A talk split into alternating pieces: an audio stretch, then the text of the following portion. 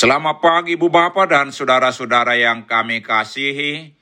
Kami dari Yayasan Badan Kerjasama Marturia mengucapkan selamat beraktivitas hari ini di dalam penyertaan Tuhan kita Yesus Kristus.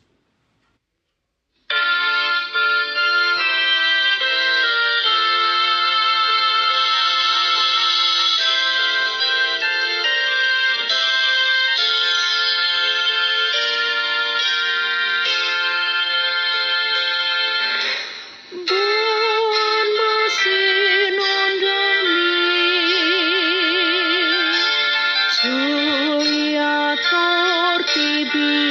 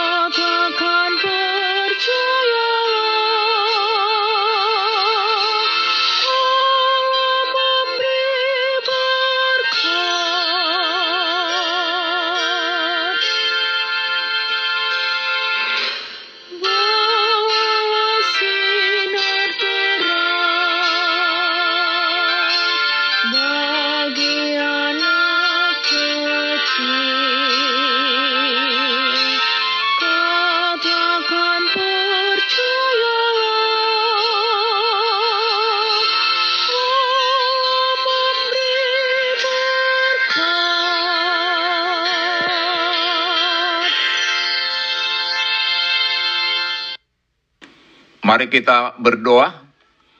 Tuhan Yesus, di pagi hari ini kami hendak merenungkan firman-Mu. Berikan kepada kami hikmat dan pengertian untuk memahami firman-Mu. Dan tolong kami untuk melakukan firman-Mu dalam kehidupan kami. Amin. Saudara-saudara yang dikasihi Tuhan Yesus, firman Tuhan untuk kita renungkan di pagi hari ini terambil dari Matius 25 ayat 40 dengan tema menolong orang yang susah dan lemah demikian firman Tuhan.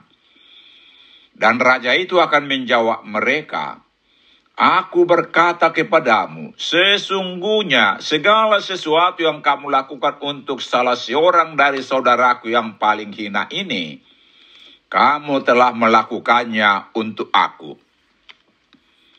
Nats hari ini berada dalam perikop yang diberi judul penghakiman terakhir.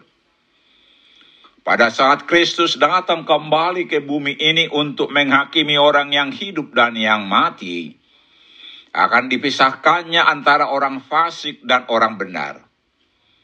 Orang fasik akan dicampakkan ke dalam tempat hukuman kekal di neraka, dan orang benar akan mewarisi hidup kekal di sorga penghakiman itu akan dilandaskan pada buah iman yang nampak dalam perbuatan kasih dan kebaikan yang dilakukan setiap orang terhadap sesamanya selama berada di bumi ini. Benar bahwa hidup kekal adalah anugerah Allah yang kita peroleh semata-mata karena iman dan pertobatan, bukan karena perbuatan baik kita. Akan tetapi kita diminta agar memiliki iman dan pertobatan yang sejati.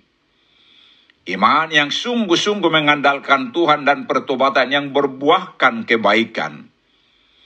Artinya, iman harus terlihat dalam praktek melalui perbuatan kasih terhadap sesama, terutama kepada sesama saudara seiman yang mengalami masalah dan penderitaan. Saudara-saudara yang dikasihi Tuhan Yesus, Mari kita sambut anugerah hidup kekal dengan iman yang menyelamatkan dan pertobatan yang sejati. Mari kita tunjukkan perbuatan kasih yang berkenan dan menyenangkan hati Tuhan dengan kerelaan kita untuk menolong orang susah dan lemah, terutama para hamba Tuhan yang menderita karena tugas pemberitaan Injil.